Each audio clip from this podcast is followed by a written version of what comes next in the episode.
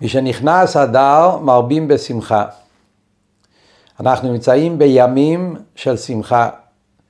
השאלה היא איך אנחנו בדיוק מגיעים לשמחה הזאת. מהו בעצם הסוד, המפתח, הדרך לבוא לשמחה.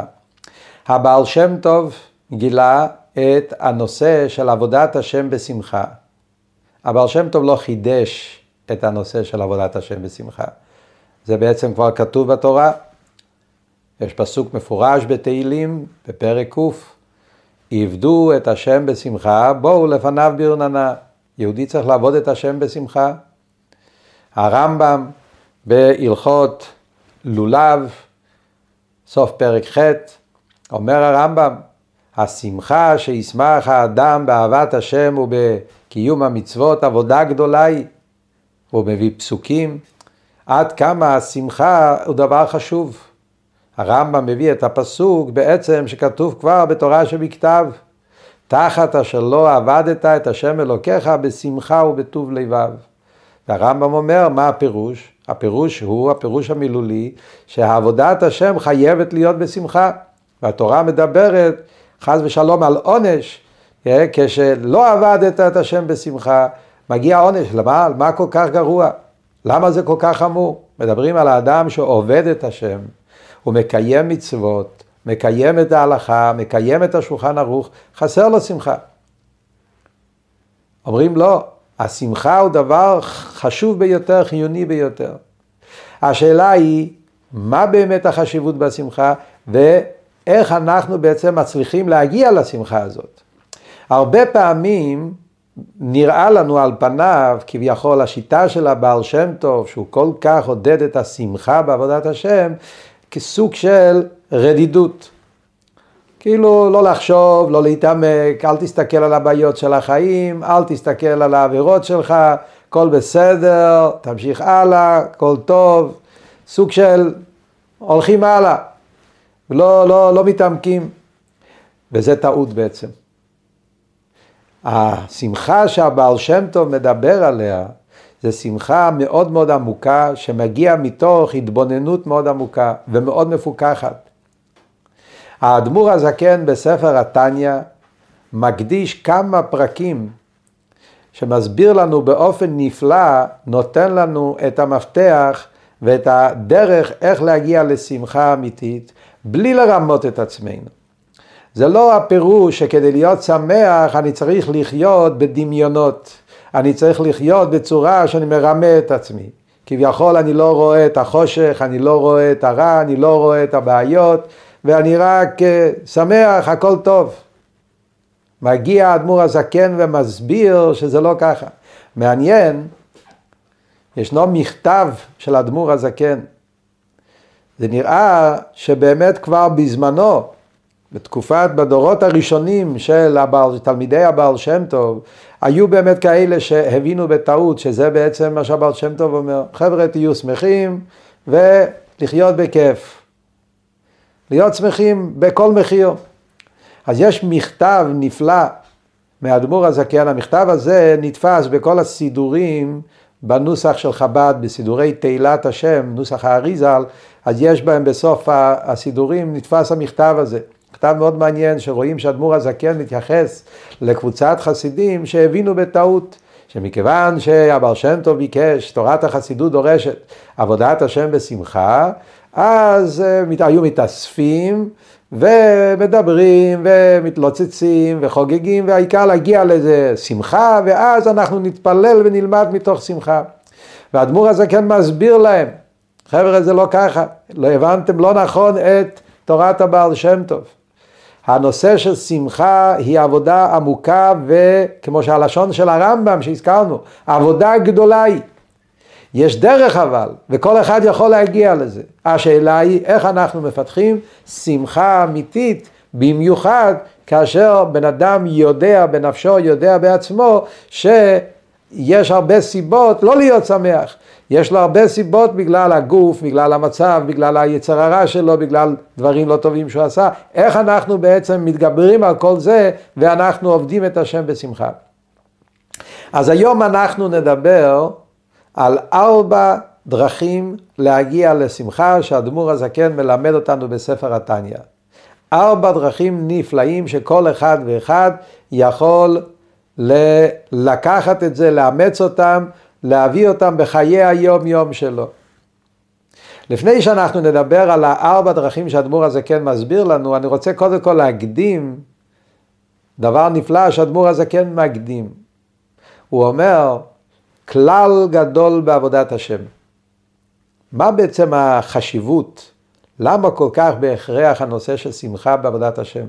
אז אדמו"ר הזה כן אומר לנו נקודה מאוד מאוד מעניינת, חשובה וחיונית מאוד לכל אחד בחיים. הוא אומר, תשמעו, כלל גדול בעבודת השם. הוא אומר, כמו ב...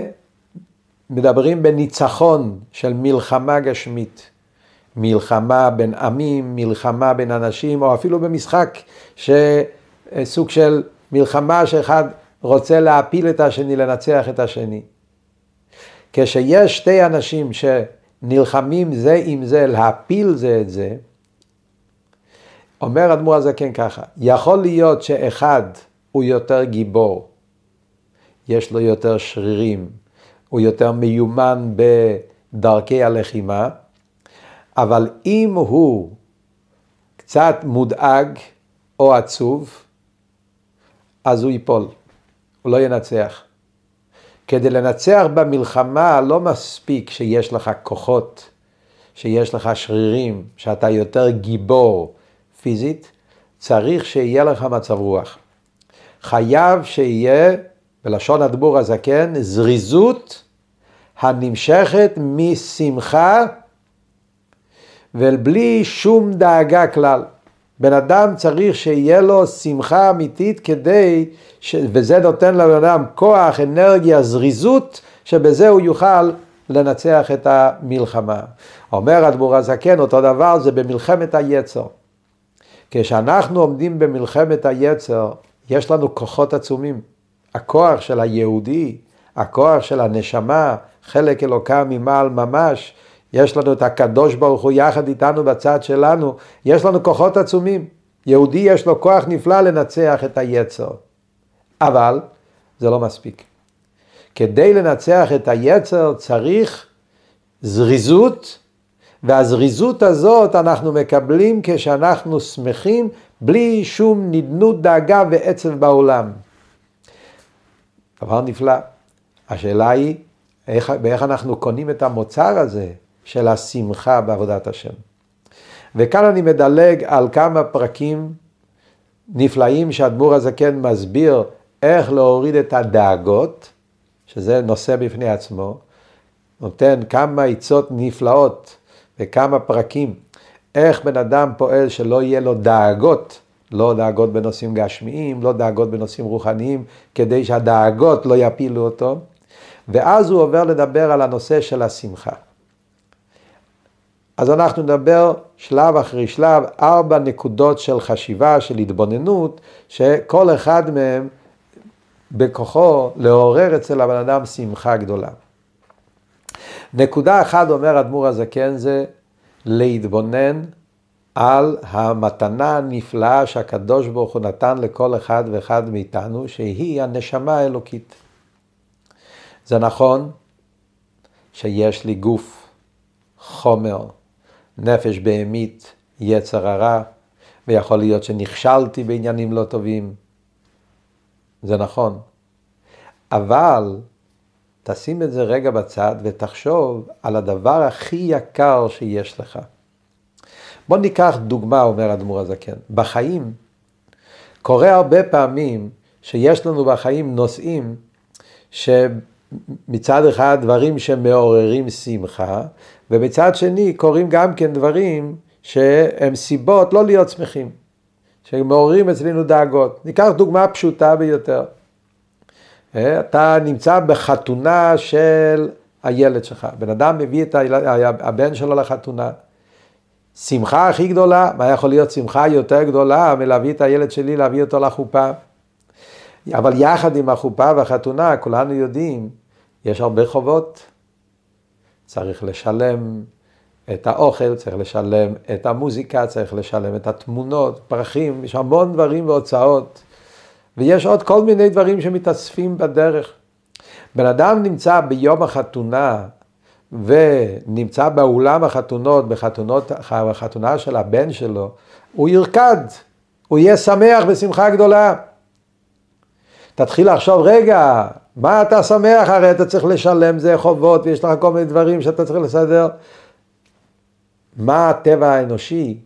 בן אדם בוחר איפה להתמקד ואיפה להתרכז ברגע הזה. מהו הדבר הכי יקר בשבילי הרגע הזה? נכון, יש דברים שהם לא בסדר, יש עוד דברים שצריך לתקן, ולפעמים יכול להיות שהבן אדם הזה בדברים אחרים יש לו כל מיני קשיים, אבל עכשיו ברגע הזה, מהו הדבר הכי יקר בשבילי? על זה אני מתרכז. ולכן ברגע שאני בוחר מהו הדבר הכי יקר ואני מתרכז בזה, אני יכול לשמוח בשמחה גדולה ביותר, למרות שיש עדיין דברים לא פתורים. אומר האדמו"ר הזקן, אותו דבר זה ברגע שיהודי מתבונן. נכון שיש לי יצר הרע, נכון שיש לי נפש בהמית, נכון שיש דברים שעדיין לא תיקנתי אותם, נכון שיש כל מיני דברים באו מסביב שעדיין לא מאה לא, לא, לא, לא, לא אחוז. אבל רגע, יש בתוכי דבר הכי נפלא שיכול להיות. אני יהודי, ובתור יהודי יש לי חלק אלוקה ממעל ממש. נשמה אלוקית. והנשמה הזאת נמצאת יחד איתי, והיא מסכנה נמצאת במאסר, בתוך הגוף והנפש בהמית, כל זמן שאני שקוע בתוך עצמי ובתוך הדברים שמפריעים לי. יש לי הזדמנות בכל רגע הזדמנות לשחרר את הנשמה שלי מהמאסר. יש לי הזדמנות בכל רגע, אתה יכול בכל שנייה ביום, אתה ברגע שאתה מחליט לקיים מצווה, ללמוד תורה, לחשוב על הקדוש ברוך הוא, להתפלל, באותו רגע הנשמה הטהורה יוצאת מהמאסר של העולם, של הגוף, של החומר, ומתחברת עם האינסוף. המשל, כמו שכתוב בתניא, בן מלך שהיה בשביה בבית האסורים, נמצא בבית הסוהר, ויש לו את ההזדמנות, נותנים לו את ההזדמנות עכשיו, הוא יכול לצאת, להשתחרר מהבית הסוהר ולחזור לבית אביו המלך. הרי אין לך שמחה גדולה יותר מזה, כיתרון האור מן החושך. הייתי בתוך החושך הכי גדול, וכאן יש לי את ההזדמנות לצאת, להשתחרר מהחושך הזה ולהתחבר אל האור הגדול. ההזדמנות הזאת ניתנת לי בכל רגע פנוי. אז ברגע שבן אדם חושב בצורה הזאת, הרי השמחה היא שמחה גדולה ביותר. למרות שהוא מודע שעדיין יש דברים לא פתורים, הוא יודע שעדיין עדיין צריך לתקן דברים, אבל מה זה משנה עכשיו, במה אתה מרוכז? כל מעשה טוב שאני עושה זה סוג של שחרור הנפש מהמאסר ולהגיע לבית אביו המלך. מה יכול להיות שמחה גדולה יותר מזה? זה נקודה מספר אחד. זה מצד הנשמה.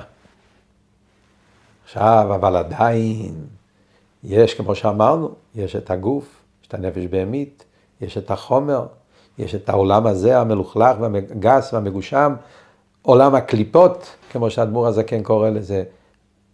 מה אנחנו עושים עם כל זה? כאן מגיעה הנקודה השנייה. אומר הרבה, תתבונן רגע, כל הדבר הזה, מי עשה את זה? אני עשיתי את זה. אני עשיתי את עצמי. אני הבאתי את, את הגוף הזה, את הנפש בהמית, את העולם. אני בראתי את כל זה. הקדוש ברוך הוא הרי ברא את זה. הקדוש ברוך הוא, הוא זה שברא את כל העולמות, והוא ברא את העולם הזה הגשמי והחומרי, והוא ברא את הגוף שלי, והוא ברא אותי עם נפש בהמית ומיצר רע. למה? למה הוא עשה את כל זה? רצה להעניש אותנו? חס וחלילה. אבא שבשמיים אוהב אותנו.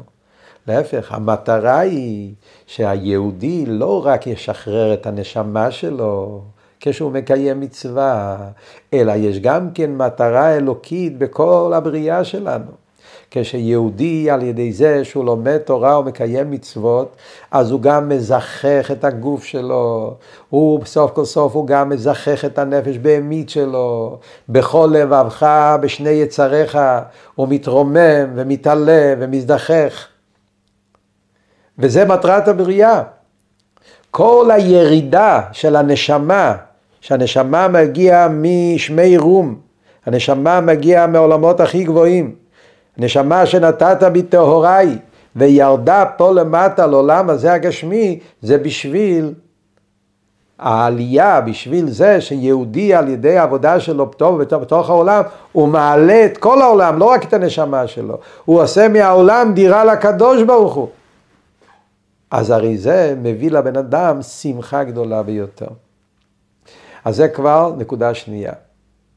אז יש את השמחה מזה שיש לי נשמה, שאני יהודי, חלק אלוקה ממעל, ויש את השמחה הגדולה מזה שגם הגוף והנפש הבהמית, יש לי את היכולת להרים אותם, להעלות אותם ולעשות אותם דירה לקדוש ברוך הוא על ידי תורה ומצוות.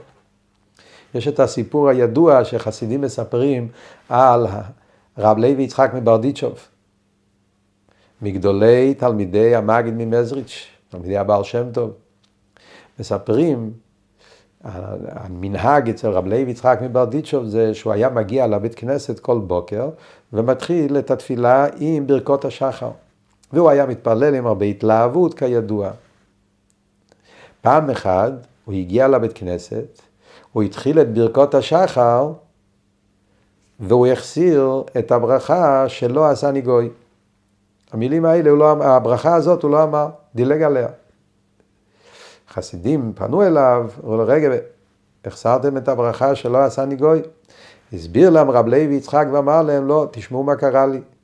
היום בבוקר קמתי מהמיטה, עשיתי נטילת ידיים, והמחשבה הראשונה שצצה לי בראש, אמרתי, וואו, אני יהודי, יש לי נשמה. ואז תוך שנייה יצא לי, התפרץ לי, בלי, בלי, בלי, בלי הכנות, באופן טבעי. ברוך אתה השם אלוקינו מלך העולם שלא עשני גוי. והתחלתי לרקוד משמחה. נו, הברכה כבר נאמרה, אז לכן דילגתי עליה. אז זה בעצם ההתבוננות בזה שיש לנו נשמה טהורה שהיא חלק אלוקה ממעל. אני יהודי, ויש לי את היכולת להשתחרר, כמו שאמרנו, ולהתקרב לקדוש ברוך הוא, ולא רק את הנשמה שלי, אלא גם את העולם שמסביבי, יש לי את היכולת להאיר אותה ולהעלות אותה. זה מביא לבן אדם שמחה גדולה ביותר. וכאן אנחנו עוברים לנקודה השלישית. זה מדובר על נשמה, תורה ומצוות, עבודת השם. יש אבל עוד שמחה.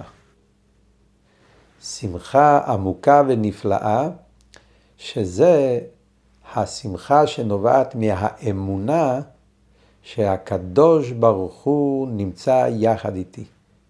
כאן מגיע אדמו"ר הזקן ומביא נקודה נפלאה ביותר.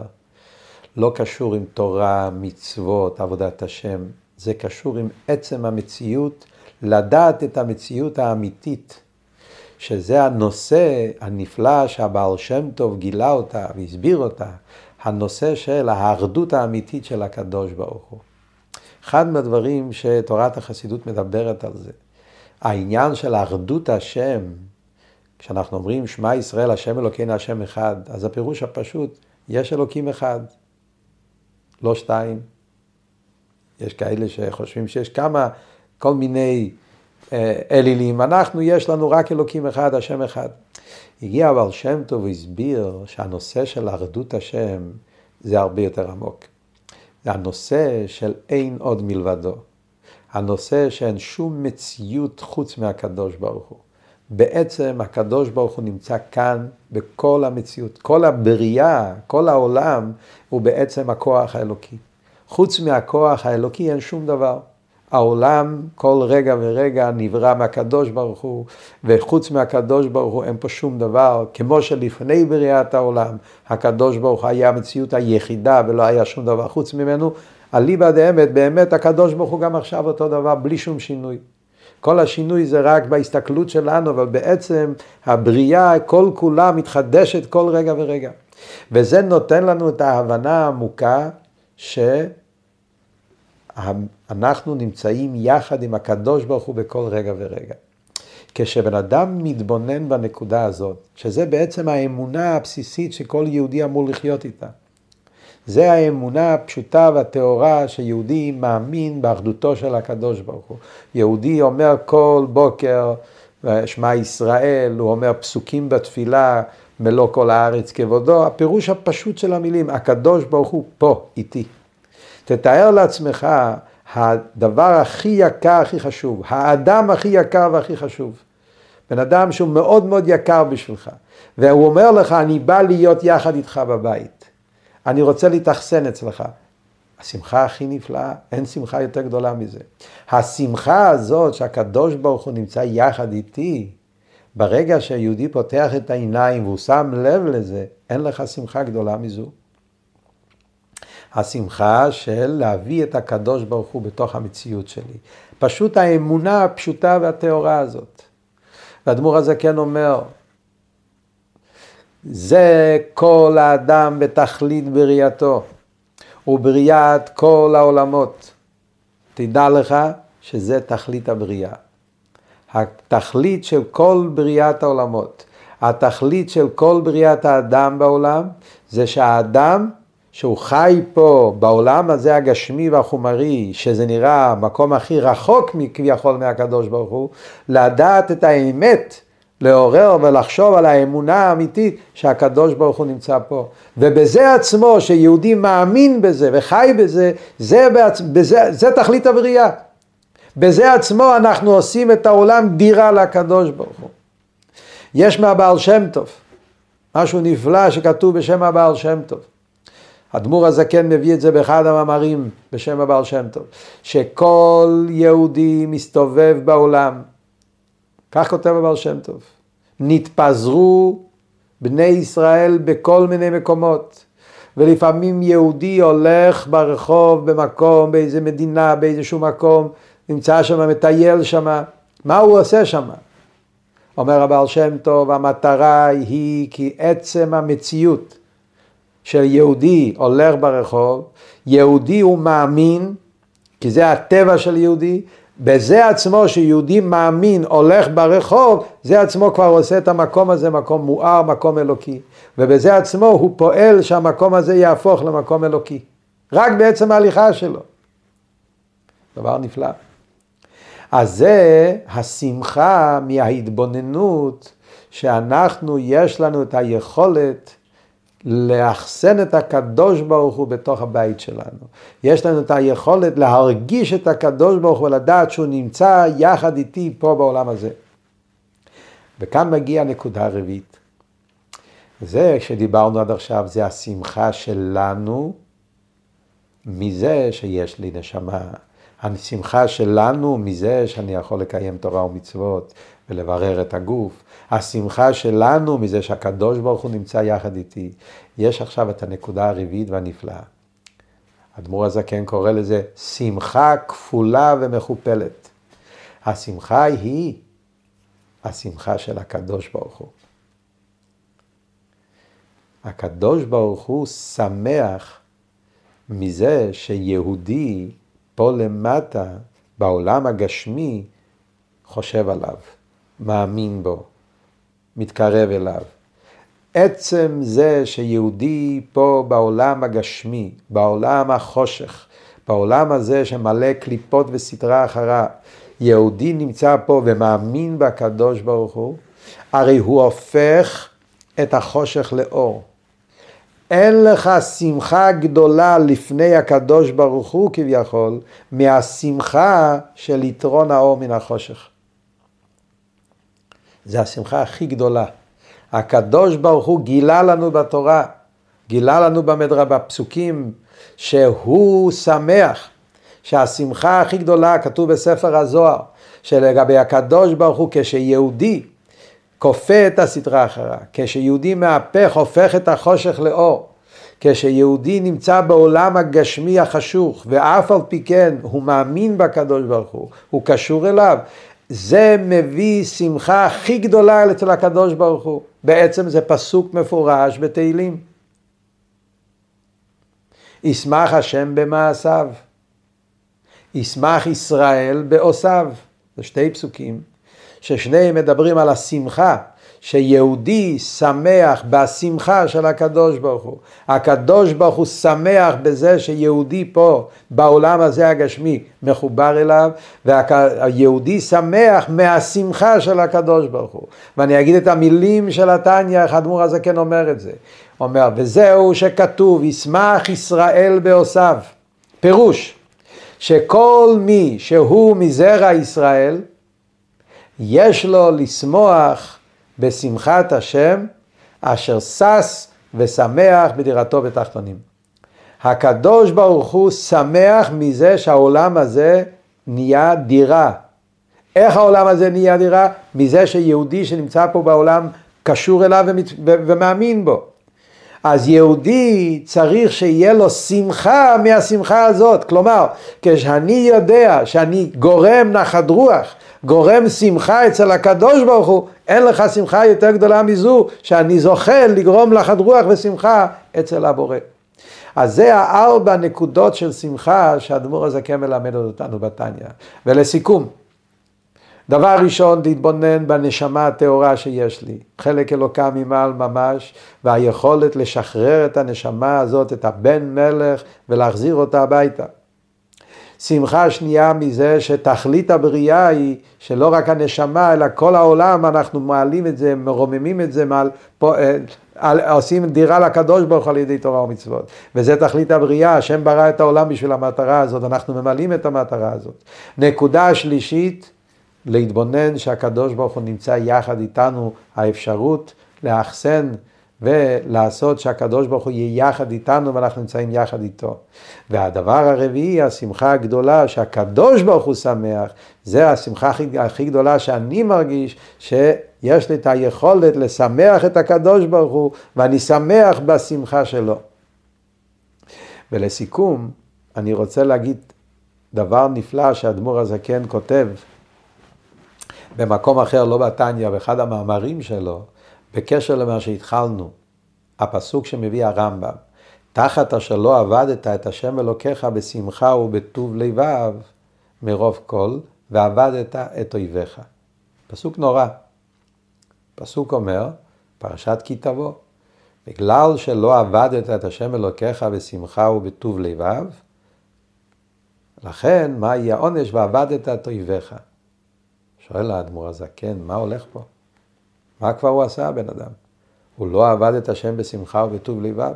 והרמב"ם מפרש שזה הפירוש של המילים פה. יש עוד הסברים במפרשים, אבל לפי הרמב"ם שאמרנו, גם האריזל מביא ככה, האדמו"ר הזקן מביא בשם האריזל, זה הפירוש של המילים, בגלל שלא עבד את השם בשמחה. כלומר, הוא עבד את השם, מקיים את כל ההלכות, מקיים את כל המצוות, יהודי שמקיים את הכל, אבל חסר לו שמחה, ועבדת את אויביך. למה? מה קרה? אומר דבר נפלא. ועבדת את אויביך זה לא עונש על השמחה, על חוסר השמחה. הוא אומר משהו אחר. הרי כולנו יודעים שאנחנו לא צדיקים. כל אחד יודע, אין צדיק בארץ אשר יעשה טוב ולא יחטא. כל אחד מכיר את עצמו, יודע את החלישויות שלו, את הנפילות שלו, וכל הדברים שעוברים עלינו. אנחנו יודעים שאנחנו לא בסדר. ואם אנחנו נלך לפי החשבון, אוי אוי אוי, כן? חשבון, מה עשיתי, מה מגיע לי, אנחנו יודעים ש, שהחשבון, אחד ועוד אחד זה שתיים, יש, יש, יש דברים, מגיע לי כל מיני דברים לא טובים בגלל ההתנהגות שלי. אבל מה? כשבן אדם הוא שמח, אז השמחה גורמת שמחה למעלה. כשיהודי הוא שמח, שמחה פורצת גדר. השמחה של יהודי מעוררת שמחה כביכול אצל הקדוש ברוך הוא. וכשיש שמחה למעלה, אז מתבטלים הדינים. כשיש שמחה למעלה, אז הקדוש ברוך הוא רואה רק טוב, ורק מסתכל עלינו טוב, ואז גם כן מוותר לנו. כשבן אדם הוא עצוב אבל, אז הוא גורם גם למעלה, כביכול עצבות. עצרות זה מידת הדין. אז מתחילים לעשות חשבונות, ועל מידת הדין, ועבדת את אויביך, מגיע לך עונש, חס ושלום. אז זה הפסוק אומר. תחת אשר לא עבדת את השם אלוקיך בשמחה ובטוב לבב, בגלל שהיה חסר לך שמחה בעבודת השם, אז מה קורה? גרמת שיהיה דין, וכשיש דין, אז רחמנא ליצלן יכול לבוא מזה תוצאות שליליות. אז זה עצה פרקטית, אומר האדמו"ר הזה, כן, פשוט להיות שמח. כי השמחה בעבודת השם גורמת שמחה למעלה, וזה גורם שלא יתחשבו עם שום חשבונות, וזה נותן לך כוח שהקדוש ברוך הוא ייתן לך את כל ההשפעות, את כל הברכות, את כל החסד, וזה בעצם מאמר הזוהר. הזוהר בפרשת תצווה שאומר, בוא ותראה, תחזי. העולם התחתון הוא בעצם השתקפות של העולם העליון. כשבן אדם נמצא פה למטה והוא בהתנהגות של שמחה ובחדווה ובאור הפנים, הוא מעורר למעלה אותו דבר, שגם הקדוש ברוך הוא מתנהג אליו בשמחה, בחדווה ובמאור פנים. וכשיש מאור פנים למעלה, אין גזירות, מתבטלים כל הדינים ונשפעים כל ההשפעות הטובות והחסדים. וזה בעצם מה שנכנס אדר מרבים בשמחה. חודש אדר זה הרי החודש של ה"ונהפוך הוא". מתוך החושך הכי גדול של גזירות המן, אז היה ונהפוך הוא, שבני ישראל עמדו באמונה ובמסירות נפש בהקדוש ברוך הוא, שזה כל הסיפור של המגילה, לכן דווקא החודש הזה, זה המרבים בשמחה. מהחג הפורים אנחנו לוקחים את הכוח, השמחה לכל השנה, שבעצם שכל אחד ואחד יהיה לו שמחה, ושנזכה באמת לשמחה האמיתית של היהודים הייתה אורה ושמחה וששון ויקר, כן תהיה לנו בגאולה שלמה, תקף ומיד, אמן כן יהי רצון.